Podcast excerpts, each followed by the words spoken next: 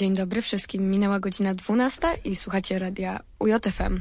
Wraca do Was audycja Piąta Strona Świata i przed mikrofonem Julia Lekki i Asia Starzysko.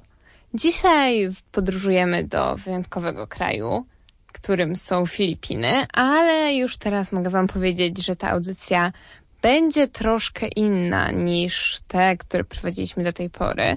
Nie będzie może taka luźna, tak mm, beztroska bym powiedziała, ale myślę, że przez to będzie też bardziej interesująca dla Was, bo dowiecie się trochę więcej na temat tego, jak Filipińczycy w ogóle funkcjonują, tego jak wygląda to z ich perspektywy i myślę, że taka podróż będzie czymś ciekawym i odmiennym. I, i przyda Wam się, uważam, taka wiedza na, na temat tego, jak to faktycznie tam wygląda, bo nie wiem jak ty, Julka, ale jakieś skojarzenia w ogóle z tym państwem?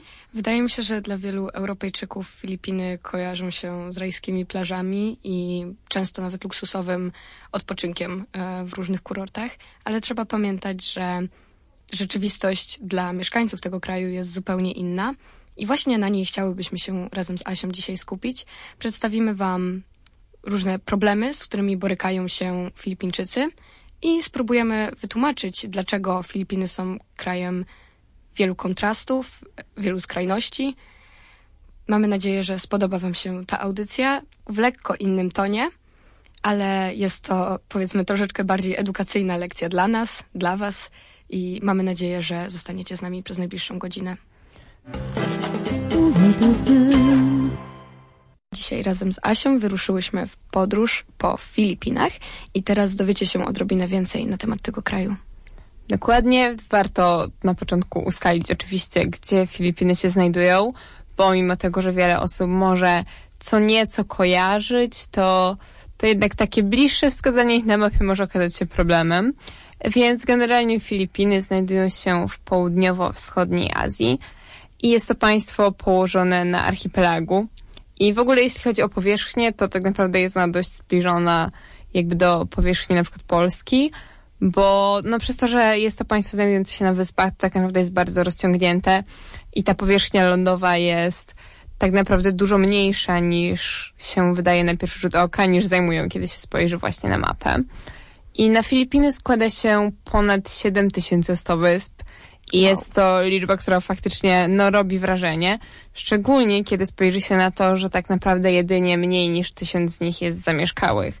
Więc no, daje nam to olbrzymią liczbę tak naprawdę wysp nieodkrytych, pełnych rzeczy zupełnie nam nieznanych, obcych, bo to jednak jest, szczególnie dla nas, Europejczyków, zupełnie inny klimat. No i wyobraźcie sobie, że sobie jedziecie i nagle z jednej i z drugiej strony macie wszędzie jakby totalnie niezamieszkane wyspy, tereny absolutnie dzikie, gdzie no nie, nawet nie masz pewności, czy w ogóle człowiek kiedykolwiek stanął tak naprawdę. Myślę, że to jest jakby niesamowite też wrażenie, właśnie szczególnie dla, dla nas Europejczyków, gdzie wszystkie tereny w, tak naprawdę są już gdzieś tam znane, odkryte. Y, słyszałam, że wiele osób, które wybiera się w podróż po Filipinach, często nie zdaje sobie nawet sprawy z tego, że w drodze z lotniska do na przykład jakiegoś hotelu czy kampingu, na który się wybierają, mijają po drodze kilka wysp. Działa to tam tak, że Niekoniecznie wyspy wszystkie muszą być w pełni otoczone wodą. Często da się drogą lądową na nie dostać i człowiek nie ma nawet pojęcia, że przekracza kilkanaście wysp w trakcie jednej podróży. To też jest w ogóle bardzo ciekawe zjawisko. Też myślę, że wiele zależy od momentu, kiedy, w którym się jakby przekracza te granice, bo, bo w wielu miejscach to jest bardzo płynne. Więc generalnie Filipiny są no takim dość dzikim, powiedzmy, krajem, takim niezbadanym. I tak naprawdę życie toczy się tam głównie na takich 11 dużych wyspach, które są podzielone na trzy główne regiony. Mindanao, Luzon i Visayas. E, no i poza tym mamy właśnie tysiące takich malutkich wysepek i stolicą Filipin jest e, miasto Manila. Jest to jedno właśnie z największych miast e, w tamtym terenie. Filipiny zamieszkuje e, około 105 milionów osób i znalazłam taką ciekawostkę, że Polonia na Filipinach w ogóle liczy zaledwie około 100 osób, co w sumie no jest takim ciekawym, jakoś nie wiem, zawsze zakładałam, niby się nie myśli o tym, ile tam jest ludzi, ale zdziwiłam się, że jakby tylko 100 osób w sumie takich Polaków. To jest bardzo mało, ale ja za to słyszałam taką legendę, że jest pewien Polak, który postanowił właśnie stworzyć na wyspie, jednej z tych ponad 7 tysięcy wysp, taką osadę właśnie dla Polonii. I może te 100 osób mieszka dokładnie na tej wyspie z tym jednym mężczyzną. A, śmiesznie by było mieć taką małą Polskę na Filipinach gdzieś. Nie, nie zupełnie sobie tego nie wyobrażam. E, no więc jeśli chodzi o tą liczbę ludności, to jest to w ogóle 13 państwo na świecie pod tym względem. No i jest to całkowita mieszanka e, najróżniejszych kultur. I co jest ciekawe jeszcze i wyjątkowe absolutnie, jeśli chodzi o Filipiny, szczególnie w Azji, to jest to, że dominującą religią jest to chrześcijaństwo. Jest to ponad 50% jakby osób wyznaje tą religię. I jest to jedyne państwo w Azji, gdzie jest to e, religia dominująca. W pozostałych jest to czy to buddyzm, czy islam. I jest to bardzo zróżnicowane społeczeństwo, pełne paradoksów, gdzie obok siebie żyją ludzie skrajnie bogaci i skrajnie biedni. I tak naprawdę no wszystko się tam miesza. Mamy bardzo bogate dzielnice, mamy zaraz obok slumsy, więc e, widać po prostu wszystkie te kontrasty, co wynika między innymi z ich gospodarki, ponieważ Filipiny mają bardzo duży potencjał do tego, by tworzyć silną gospodarkę przemysłową, ponieważ mają bardzo bogate złoża i zasoby na, na swoich terenach.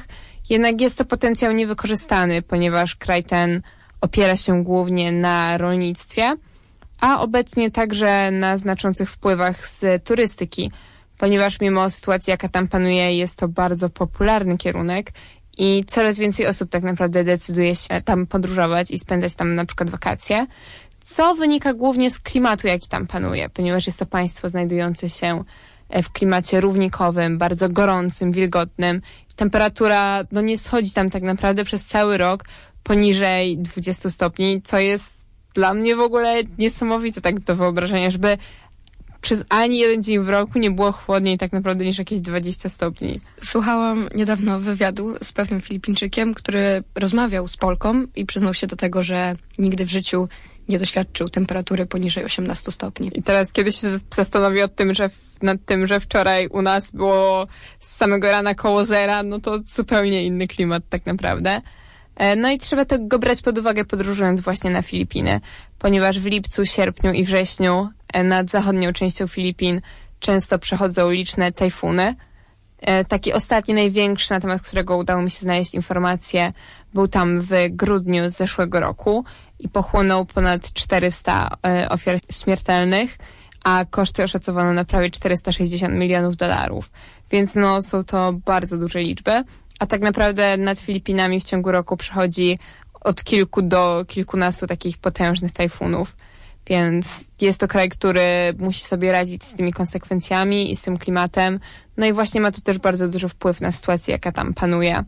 Bo też jest e, on położony w pacyficznym pierścieniu ognia.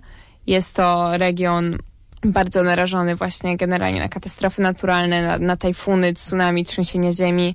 Na przykład na Filipinach znajduje się obecnie około 53 aktywnych wulkanów. Więc no jest to region, gdzie te katastrofy naturalne cały czas się zdarzają i państwo musi się nauczyć z nimi radzić.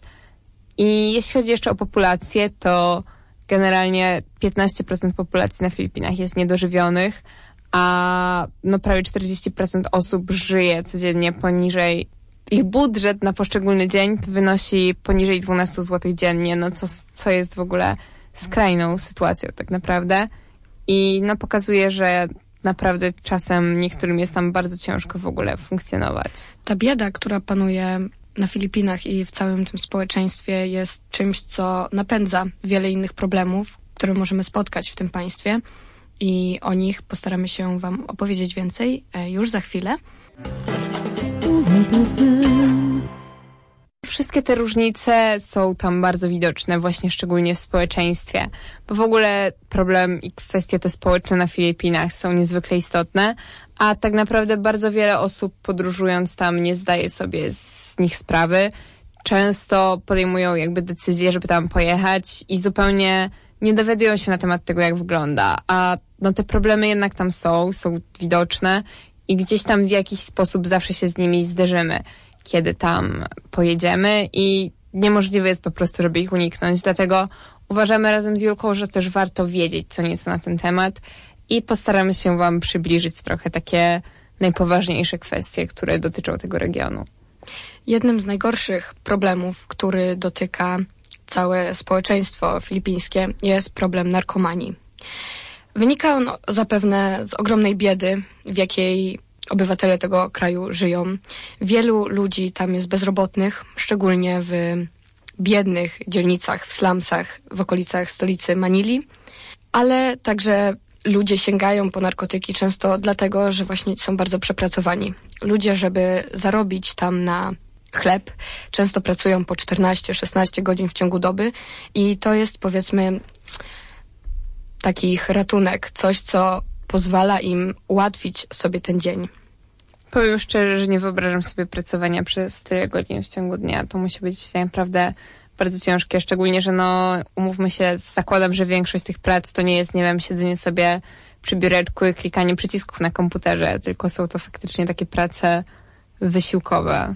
Tak, osoby, które mieszkają właśnie w tych biednych dzielnicach, na przykład Tondo jest taką bardzo biedną dzielnicą Manili, gdzie gęstość zaludnienia wynosi ponad 800 tysięcy osób na kilometr kwadratowy.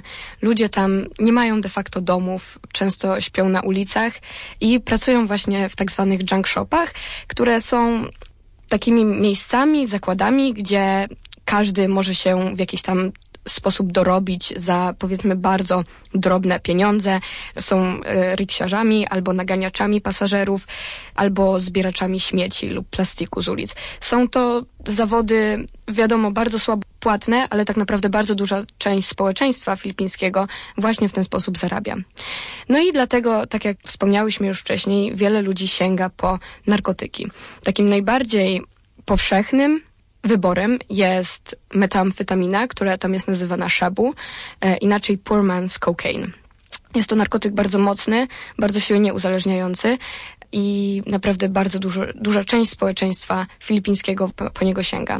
Oficjalne dane państwowe, rządowe podają, że aktualnie około 3% społeczeństwa jest uzależniona od narkotyków, ale wiemy, że właśnie w slumsach w Manili, która liczy 20 milionów mieszkańców, to jest gigantyczne miasto, dużo więcej osób sięga po narkotyki. Co druga osoba przyznaje się, że chociaż raz w życiu miała problem z uzależnieniem od y, narkotyków. I właśnie z tym w bardzo niefortunny, wydaje mi się, sposób próbuje sobie radzić prezydent Rodrigo Duterte. Prezydent Filipin jest postacią bardzo kontrowersyjną, z którą nie zgadza się naprawdę bardzo duża część i społeczeństwa filipińskiego, ale także osób z całego świata jest o nim naprawdę głośno, ponieważ wprowadził on bardzo ostrą politykę, która ma na celu walkę z narkomanią. I wprowadził on tak zwaną wojnę z narkotykami, która polega na tym, że de facto funkcjonariusze policji zabijają narkomanów, a także dealerów. Jest to robione w normalnie jawny sposób i całe społeczeństwo zdaje sobie z tego sprawę. Duterte wprowadził to prawo w 2016 roku i dzieje się to już od pięciu lat. I przez te pięć lat oficjalnie y, zabito ponad sześć tysięcy osób na ulicach. Jest to niesamowite dla mnie w ogóle słuchać o czymś takim. No ciężko mi wyobrazić sobie w ogóle jakiekolwiek, nie wiem, porównanie tego, że rząd, władza w normalnym państwie, w którym nie toczy się wojna żadna tak stricte, po prostu zabija ludzi na ulicach, ponieważ tak, no nie, nie są to powiedzmy dobrzy ludzie, ale też są zmuszeni do takiej sytuacji i jakby zabijanie ich nie rozwiązuje problemu, tylko właśnie go pogarsza. Zabijanie ich zdecydowanie nie rozwiązuje problemu, a jest to praktyka bardzo powszechna. W tych biednych dzielnicach normą jest widok postrzelonych zwłok na ulicy. Dzieje się to bez żadnych procesów sądowych i policja kieruje się tylko różnymi przypuszczeniami. E, dodatkowo policja wynajmuje płatnych zabójców, którzy bogacą się właśnie na zabijaniu, są to różne gangi. Policja płaci im, um, oni normalnie podjeżdżają motorami, preparują specjalnie miejsce zbrodni, na przykład kładą przy zwłokach broń, żeby upozorować to na walkę, mimo że tak naprawdę te osoby, które są zabijane, w żaden sposób z nimi nie walczą, nie mają nawet szansy obrony. Jest to okropna sytuacja i dodatkowo takim smutnym elementem tego jest to, że bardzo łatwo dostrzec, jak ogromna jest korupcja w tym kraju, ponieważ policjanci bardzo często płacą tym płatnym zabójcom narkotykami. To jest niesamowite. To jest używka, z którą się walczy, za którą się zabija ludzi, ale wiadomo, że nawet funkcjonariusze policji bardzo często uciekają do niej. To brzmi jak scenariusz jakiegoś filmu gangsterskiego i absolutnie no nie mieści po prostu w głowie, że to się faktycznie może dziać. Niestety, tak jest, tak wyglądają realia na Filipinach. Mm, niestety nieoficjalne źródła podają, że liczba ofiar jest tak naprawdę co najmniej kilkukrotnie większa niż podaje rząd. Statystyki rządowe mówią, że jest to około 6 tysięcy osób, ale to są liczby ofiar zabitych tylko i wyłącznie przez funkcjonariuszy policji. A osoby, które y, pochodzą z różnych gangów i zabijają za pieniądze, to jest jeszcze bardziej powszechne zjawisko i ich jest dużo więcej. Mówi się, że co najmniej 20-30 tysięcy osób zmarło już skutek tego. I strzelają oni do każdego, nawet jeśli to dziecko, ponieważ zdarzają się też sytuacje, gdzie młodzież lub dzieci uzależniają się od narkotyków. Zdarzają się sytuacje, że oni tak samo po prostu ich żywot się kończy w takim momencie. Jest to przerażające, naprawdę, aż aż nie wiem, co, co mogłabym powiedzieć. Po prostu jestem w szoku, bo nie wiedziałam, że to są aż takie liczby. Wiele organizacji humanitarnych próbuje powstrzymać prezydenta Duterte. On mimo wszystko ma dosyć spore poparcie w swoim kraju. Wiele osób uważa, że te jego działania, mimo że bardzo radykalne, to pomagają walczyć z tą przestępczością i jest bezpieczniej na ulicach. Wiadomo, wiele osób teraz bardziej uważa, ponieważ mogą przepłacić za to życiem, ale mimo wszystko problem narkomanii i dilerki nie zniknie tylko dlatego, że te osoby są zabijane. Mimo wszystko w stolicy tego kraju, gdzie wiadomo problem jest największy, poparcie dla tego prezydenta maleje, co jest raczej dobrym sygnałem, bo jest to osoba naprawdę bardzo kontrowersyjna, której wypowiedzi szokują dosłownie cały świat. W ciągu ostatnich pięciu lat mówi się, że policja przeprowadziła ponad 200 tysięcy operacji, około 300 tysięcy osób aresztowali, ale tak jak mówiłam, dokładnej liczby zgonów nikt nie podaje. Tak zastanawiam się właściwie, jak duży, pewnie, no wiadomo, że nie ma raczej takich statystyk, ale jak duży jest ten odsetek właśnie na przykład dzieci i młodzieży, którzy zginęli w taki sposób, bo no państwo powinno pomagać takim osobom, walczyć o to, żeby te, zapewnić tym dzieciom, tej młodzieży, które są jakby przyszłością Filipin, jakieś wsparcie, a nie pozbywać jej ze społeczeństwa i no, no to jest naprawdę straszne. Niestety dla państwa to jest jeszcze lepsze rozwiązanie, ponieważ oni spisu spisują osoby, które mieszkają w slumsach niestety na straty. Wiedzą, że te osoby zapewne nigdy się nie wyrwą z tego, z tej swojej małej bańki i raczej nie osiągną zapewne nic wielkiego, ponieważ nie mają żadnych szans na to. Żyją całe życie w biedzie i ich życie po prostu opiera się na próbie przetrwania bardzo często. Chciałam Wam jeszcze polecić um, pewien film, który możecie znaleźć na YouTubie, nazywa się Nocni Strzelcy. Jest nagrany przez National Geographic i jest bardzo ciekawy, bardzo fajnie, fajnie, no ciekawie obrazuje ten problem, jakim jest y, narkomania na Filipinach. Mówiłyśmy już o narkomanii i ogromnym, ogromnej wojnie z narkotykami wypowiedzianej przez prezydenta Duterte. A teraz porozmawiamy chwilę o ogromnym problemie, który występuje w tym kraju, jak, jakim jest obecność organizacji terrorystycznych.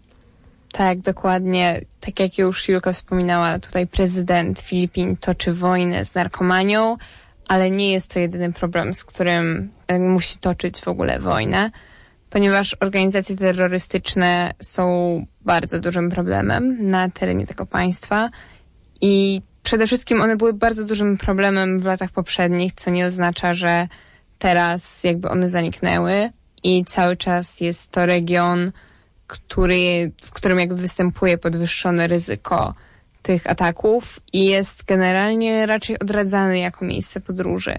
Przez pewien czas był odradzany na przykład, nie wiem, Amerykanom, a obecnie, kiedy wejdziemy na przykład na stronę polskiego rządu, to no, Filipiny w dalszym ciągu są raczej odradzane przez polski rząd i nie są polecane jako jeden z kierunków, w który jakby warto się udać ze względu na to, że to ryzyko jednak jest tam bardzo duże. Przede wszystkim dotyczy ono południowej części Filipin, e, czyli wyspy Mindanao, archipelagu Sulu i generalnie wysp położonych na południowym obszarze Morza Sulu, co jest związane w ogóle z historią tych miejsc, o czym ben, opowiem Wam więcej już za chwilę, bo generalnie walczą na tym terenie islamistyczne ugrupowania rebelianckie, które no nie do końca zgadzają się z tym, że jest to kraj chrześcijański i walczą między innymi o wprowadzenie tam islamu jako tej głównej religii, nawet mimo tego, że jakby wyznawców jej jest mniej, to no niestety jest tam wiele właśnie takich bardzo radykalnych ugrupowań, które decydują się no, na działania skrajne, które znamy tak naprawdę z telewizji, kiedy słyszymy właśnie generalnie o dżihadzie czy o organizacjach takich terrorystycznych związanych z islamem, no to dokładnie w ten sam sposób działa to właśnie na południu Filipin. I no te ataki zdarzają się tam bardzo często, o większości z nich no jednak się nie słyszy tak na co dzień, ale nie jest to jakby jedyna organizacja, jedyny problem, który powoduje działanie tych organizacji terrorystycznych, ponieważ działają tam też zbrojne oddziały partyzantki komunistycznej, więc takie sytuacje jak starcia z siłami zbrojnymi, z policją, czy nawet porwania, to są tak naprawdę no, po prostu na porządku dziennym. I bardzo duże jest ryzyko, kiedy na przykład pojedziemy w te tereny, że no, zostaniemy po prostu porwani, czy to w celu okupu, szantażu, czy po prostu, żeby dowieść jakiegoś punktu widzenia. I no jest to rzecz, którą na pewno trzeba brać pod uwagę, jeśli już decydujemy się na wyjazd w te regiony. Oczywiście działania władz są no bardzo zdecydowane, mają na celu zapewnienie e, ochrony właśnie przede wszystkim osobom przybywającym do Filipin, ponieważ no zależy im po prostu na tym, żeby ta turystyka kwitła, żeby jak najwięcej ludzi tam przyjeżdżało, no jednak w sytuacji, kiedy to wszystko wygląda w taki sposób, no jest to trudne. Dlatego starają się wprowadzać liczne jakby właśnie takie działania zapobiegawczo-ochronne. Generalnie w większości regionów obowiązuje stan wyjątkowy. Niedawno, obowiąz stosunkowo niedawno, obowiązywał tam jeszcze stan wojenny. No i tak jak już wspominałam, generalnie podróże w te tereny są raczej mm, odradzane i po prostu możemy tam napotkać właśnie wzmożone kontrole, czy to policji. Generalnie, nie wiem, siły porządkowe na, na ulicach to jest po prostu norma, z którą w tych terenach trzeba się liczyć. I no jeśli chodzi o takie największe wydarzenia dotyczące problemu terrorystów w ostatnich latach, to udało mi się znaleźć na przykład informacje z 2017 roku, kiedy od maja do października toczyły się tam walki z właśnie z ugrupowaniami dżihadystów. I takim największym starciem, największą bitwą, której w ogóle jak ja o tym czytałam, kiedy przygotowywałam się do audycji, no to naprawdę byłam w szoku, bo no przez pięć miesięcy toczyły się tam autentyczne bitwy. Największa, jest to największa bitwa w ogóle w dziejach e, nowoczesnych Filipin. Jest to bitwa pod Marawi. I dla mnie to w ogóle brzmi jak trochę taki średniowieczny scenariusz, kiedy toczyły się te wielomiesięczne bitwy pochłaniające mnóstwo ofiar. E, jeśli chodzi o tą bitwę pod Marawi, to szacuje się, że tych ofiar było ponad tysiąc. Jednak tak naprawdę no, statystyki są bardzo zaniżone i absolutnie nie jesteśmy w stanie stwierdzić, ile dokładnie osób zostało tam zamordowanych, ile osób zginęło, bo jakby to po, społeczeństwo Filipin jest w ogóle bardzo podatne na, na te wpływy. Jest bardzo radykalizujące się i no islam jako religia ma mimo wszystko na nich bardzo silny wpływ, szczególnie, że są to właśnie takie radykalne odłamy, które nie boją się głosić swoich opinii i no, są widoczne na, na porządku dziennym. Są czy to zamachy bombowe, właśnie głównie samobójcze, więc jakby z każdej strony słychać o tym.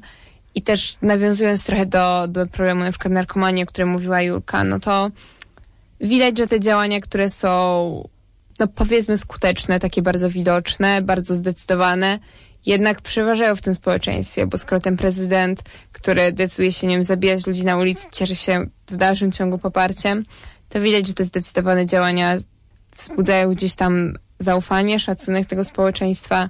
Nie wiem, czy mogę tak powiedzieć, ale no, na pewno jest to przerażająca perspektywa. I jeśli chodzi o takie organizacje już stricte jakby z nazw, to udało mi się znaleźć informacje na temat dwóch głównych działających. Problem jest taki, że generalnie kiedy próbuję, próbowałam się dowiedzieć czegoś na temat tego, jak wygląda sytuacja obecnie, to było bardzo mało informacji ten, na ten temat. Większość dotyczyła czy to końcówki XX e, wieku, czy to początku e, wieku XXI, ale tak naprawdę dalej niż 2017-2018 rok te wszystkie informacje nie sięgają, co nie oznacza, że jakby problem w ogóle zniknął. I jedną z tych organizacji jest Narodowy Front Wyzwolenia Moro. Jest to ugrupowanie terrorystyczne, e, które działa na południu Filipin. I generalnie jakby jego celem jest oderwanie wysp Mindanao, Palawanu i archipelagu Sulu od reszty Filipin. I podejmowali oni już te próby jakby kilka razy, powstawały tam e, zupełnie jakby odrębne państwa. I ugrupowanie to używa w swoich działaniach głównie broni strzeleckiej, ma regularną armię, więc no widać, że jest to faktyczny problem. To nie są jakieś pojedyncze osoby, tylko no to jest normalnie zorganizowane wojsko, które działa i które walczy. Ich działalność obejmuje głównie właśnie końcówkę XX wieku, ale na przykład, no jakby ostatnie informacje, jakie na ich temat znalazłam, dotyczą 2013 roku, kiedy e, podejmowali właśnie oni ponownie próbę wyzwolenia tych terenów, ale kiedy się o nich poczyta, no to oficjalnie oni nie przestali istnieć. To jest niesamowite, biorąc pod uwagę, że Filipiny są krajem zdecydowanie chrześcijańskim i te organizacje terrorystyczne, islamistyczne są czymś, z czym władze chociażby próbują walczyć, ale tak jak mówisz, są to bardzo często silne ugrupowania, e, które ciężko pokonać. No olbrzymi problem, jakby te starcia cały czas mają tam miejsce, szczególnie, że jakby podejrzewa się, że organizacje te są wspierane przez działalność też osób spoza Filipin. I taką organizacją jest na przykład grupa Abu e, Sayafa. Mam nadzieję, że dobrze przeczytałam tutaj. Wybaczcie mi, jeśli, jeśli mm, przekręciłam w jakiś sposób nazwę. I podejrzewa się, że jest organizacja współpracująca z Al-Kaidą, więc no naprawdę mają one spore poparcie na świecie tych takich radykalnych środowisk. Ale no, nie jest to sprawdzona informacja, bo podejrzewa się, że jakby przez to, że Filipiny mają e, bardzo ograniczony kontakt ze światem, to jednak ze względu na ten brak komunikacji takie wsparcie nie byłoby możliwe. Generalnie jest organizacja zajmująca się głównie właśnie zamachami bombowymi, zabójstwami, porwaniami i atakami na obiekty rządowe. Jest to właśnie organizacja islamska i jej jakby najbardziej krwawym i osiągnięciem był rajd na chrześcijańskie miasto Ipil na Mindanao w kwietniu 1995 roku, kiedy zostały tam zamordowane 53 osoby. Więc są to starcia bardzo krwawe, bardzo brutalne. Niewątpliwie jest to bardzo istotny problem, ale jak już wspominałyśmy, nie jedyny, z którym mierzy się to społeczeństwo, więc yy, opowiemy Wam o tym już za chwilę. Mówiliśmy już trochę o narkomanii, o terroryzmie, a teraz Julka przybliży Wam jeszcze jeden bardzo skrajny problem, jakim jest prostytucja. Zjawisko prostytucji i seksturystyki jest czymś, z czym ten kraj, jakim są Filipiny, boryka się chyba najbardziej. Mówi się, że Filipiny są jednym z największych eksporterów niewolnic seksualnych. Ponad 500 tysięcy kobiet pracuje w tym biznesie. Liczby te są jedynie większe w Tajlandii, czyli kraju, który jest, znajduje się w podobnym obszarze. Wiadomo, że państwa Azji Południowo-Wschodniej są szczególnie narażone na ten problem, na to zjawisko. Mm, bardzo wiele Filipinek wyjechało również na zachód poszukiwaniu lepszych pieniędzy. Mówi się, że Filipiny są jednym z największych eksporterów niewolnic, z czego ponad 100 tysięcy importuje sama Japonia. Problem ten jest czymś, z czym władze również sobie nie radzą, szczególnie, że kontrowersyjny prezydent Duterte, o którym już nieraz dzisiaj mówiłyśmy, sam zachęca młodych mężczyzn do tego, żeby przybywali do Filipin, ponieważ młode kobiety na nich czekają. W momencie, kiedy nie ma wsparcia ani władz, ani jednostek, które by mogły tym kobietom pomagać, na przykład jak policji, która zdecydowanie źle do tego podchodzi, ponieważ policjanci, gdy przyłapują młode kobiety na nierządzie, w zamian za milczenie zmuszają je do stosunku seksualnego z nimi. Widzimy, jak ogromna jest korupcja w tym kraju i że zdecydowanie Filipiny nie radzą sobie z tym problemem. W 2003 roku uchwalono ustawę, która miała walczyć z handlem ludźmi i sutenerstwem, co uznano wtedy za sukces ugrupowań feministycznych w całym kraju, ale rozpoczęła się wtedy dyskusja, czy pracownice seksualne powinno się traktować raczej jako ofiary tego biznesu, czy są to osoby winne, które napędzają go. Jest to rzecz bardzo dyskusyjna, ponieważ zdajemy sobie wszyscy sprawę, że kobiety, które wychodzą na ulicę i pracują w ten sposób, nie robią tego dlatego, że chcą. Jest to dla nich bardzo często jedyna forma zarobku. Są to oczywiście pieniądze bardzo małe, jako że w wielu przypadkach kobiety te są de facto niewolnicami. One nie pracują dla siebie. Tak naprawdę mało powszechnym zjawiskiem jest, powiedzmy, bycie freelancerką w tym zawodzie. Większość z tych kobiet należy do kogoś innego, należy do mm, gangów, do mafii lub do klubów, które zmuszają je do pracy. Kobiety takie często w ciągu jednego dnia przyjmują 20 klientów, muszą się zmagać z ogromnymi warunkami pracy, są często poniżane, źle traktowane, bite, ale tak jak wiemy, bardzo często nie mają wyboru, bo tak jak mówię, jest to jedyna forma ich pracy i spotykają się one każdego dnia z wieloma patologiami. Tak jak już wspominałam chociażby o nagannym zachowaniu chociażby funkcjonariuszy policji. Wiadomo, że prostytucja jest oficjalnie nielegalna i jest zakazana w tym państwie, ale każdy przymyka na to, na to oko. Sama wręcz wspomniałam przed chwilą, że prezydent Duterte namawia wręcz młodych, bogatych mężczyzn z całego świata, by przybywali do tych młodych kobiet, które na nich tutaj czekają, ponieważ wiadomo, że bardzo wiele osób zarabia na tym biznesie i prezydent Duterte woli skupić się na walce z narkomanią niż z prostytucją.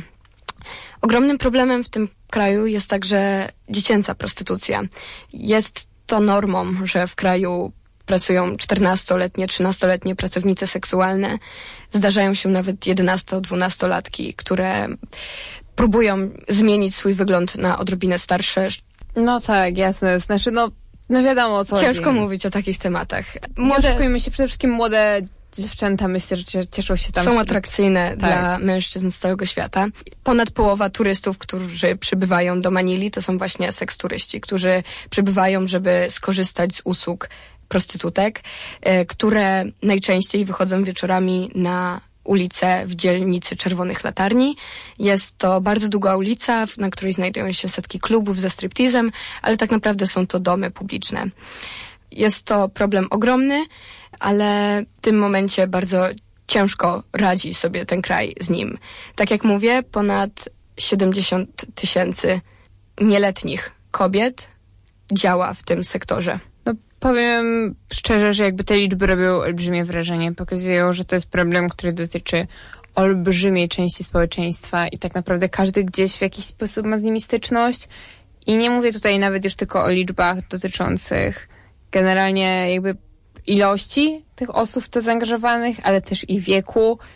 Po prostu ciężko się po prostu o tym słucha i ciężko sobie to wyobrazić, że takie młode dziewczyny muszą jakby doświadczać takich rzeczy. Dla mnie wyjątkowo szokujące jest to, że Filipiny są krajem naprawdę mocno chrześcijańskim, a stykają się oni z problemami, które nie mieszczą nam się zupełnie w głowie. I na przykład, mimo że społeczeństwo filipińskie jest bardzo wierzące, to prezydent jest osobą, która jest, przeciwia się Kościołowi i walczy z nim i jasno o tym mówi. I widzimy to niestety w jego działaniach. Widać, że nie dba on prawdziwie o swoich obywateli. Tak, naprawdę. Jakby wszystkie te działania, o których dzisiaj w ogóle mówimy, pokazują, że mimo, mimo tego, że ja nie twierdzę, że władza ma złe intencje. Zapewne mają dobre intencje, faktycznie chcą zwalczać te wszystkie problemy, z którymi Filipińczycy się mierzą, ale no jak skutecznie im to wychodzi, to jest już kwestia zupełnie inna, bo no tak już podsumowując tutaj troszeczkę to, co, co mówiłyśmy, widać, że Filipiny sobie z tym wszystkim po prostu nie radzą.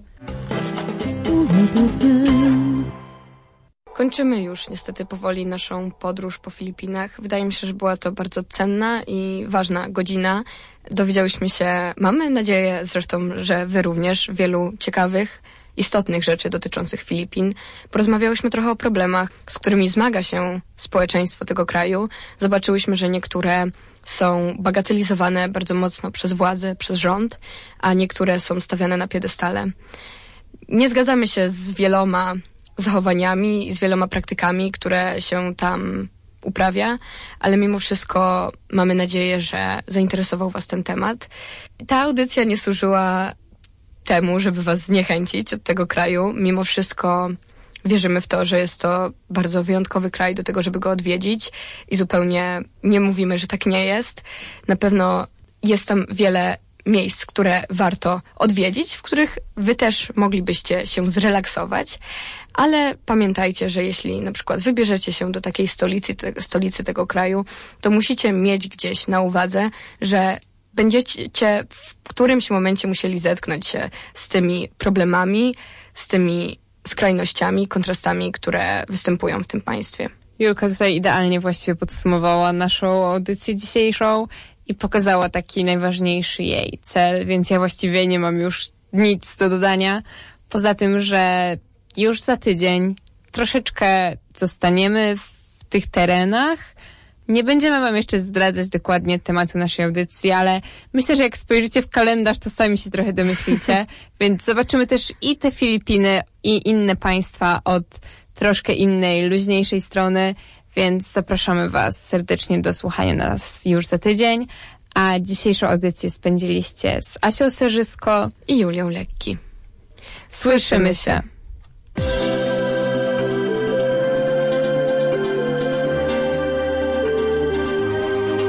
你独自。